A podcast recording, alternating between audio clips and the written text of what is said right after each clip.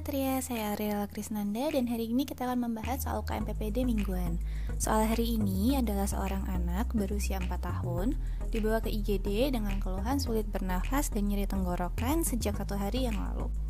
Ibu pasien mengatakan gejala pasien memburuk dengan cepat. Pasien selalu mengikuti imunisasi sesuai jadwal.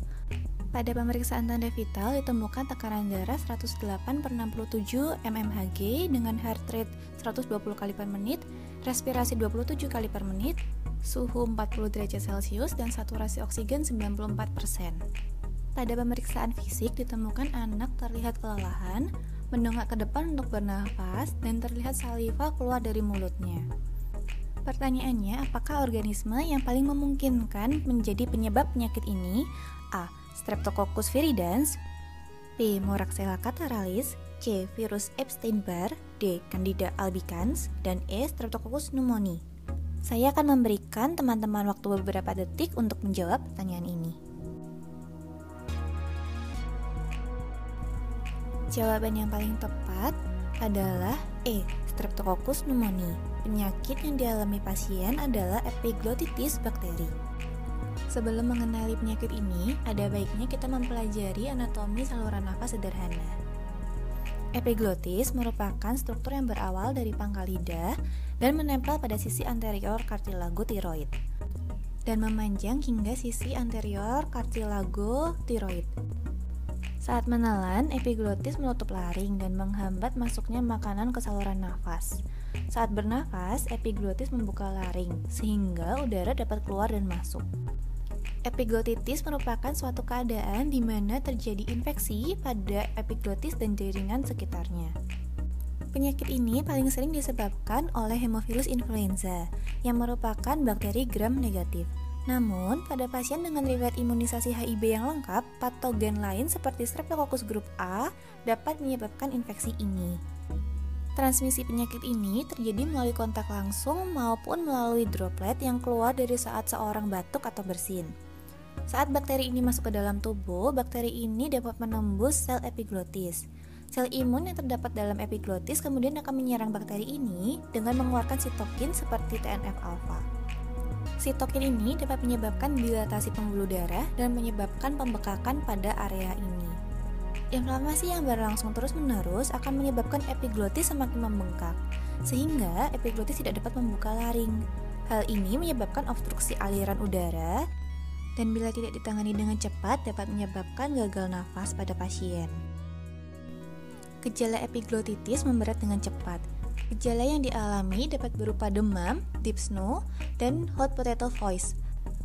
Gejala yang dialami juga menunjukkan adanya tanda obstruksi saluran nafas, antara lain berupa stridor inspirasi, retraksi iga, dan posisi tripod, di mana pasien cenderung mencondongkan badannya dan menumpuk pada dua lengannya untuk bernafas. Pasien juga tidak mau menelan air liurnya karena nyeri, sehingga terlihat saliva yang keluar dari mulutnya.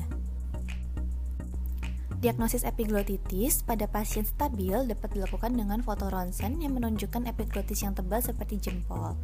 Tanda ini dikenal dengan thumbprint sign.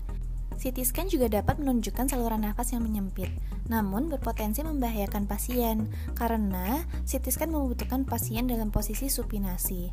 Hal ini menyebabkan CT scan jarang dilakukan pada kasus epiglottitis. Endoskopi juga dapat dilakukan untuk melihat epiglottis secara langsung. Biasanya, epiglottis akan terlihat membengkak dengan warna cherry red akibat inflamasi.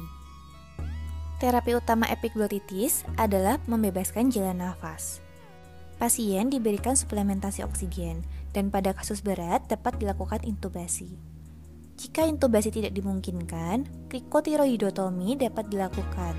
Setelah stabilisasi jalan nafas, antibiotik dapat digunakan untuk mengobati penyakit ini. Steroid intravena dapat diberikan untuk mengurangi respon inflamasi pada tubuh pasien. Terapi pencegahan adalah dengan imunisasi HIV. Imunisasi ini telah terbukti mengurangi kasus epiglottitis di seluruh dunia, sehingga saat ini penyakit epiglottitis sudah jarang ditemukan. Mari kita lihat pilihan jawaban lainnya. Pilihan A, Streptococcus viridans. Bakteri ini merupakan bagian dari flora oral normal, namun dapat menyebabkan endokarditis bakterialis. yang dapat didapatkan setelah pelaksanaan prosedur medis pada gigi. Faktor resiko penyakit ini meningkat pada pasien dengan gangguan anatomi jantung dan juga pada pasien yang memiliki katup jantung mekanik. Pilihan B, Moraxella cataralis, merupakan patogen etiologi epiglotitis yang sangat jarang, sehingga tidak tepat pada kasus ini. Pilihan C, virus Epstein-Barr, Patogen ini tidak menyebabkan epiglotitis, namun dapat menyebabkan penyakit infeksius mononukleosis yang bermanifestasi sebagai rasa lelah, eksudat pada tonsil, splenomegali, dan juga limfadenopati cervicalis. Pilihan D, Candida albicans. Candida albicans dapat menyebabkan epiglotitis pada pasien dengan imunokompromis. Pada kasus ini tidak ada tanda-tanda yang menunjukkan gangguan sistem imun pada pasien. Baiklah, sebagai rangkuman, ingat epiglotitis merupakan peradangan pada epiglotis dan struktur sekitarnya.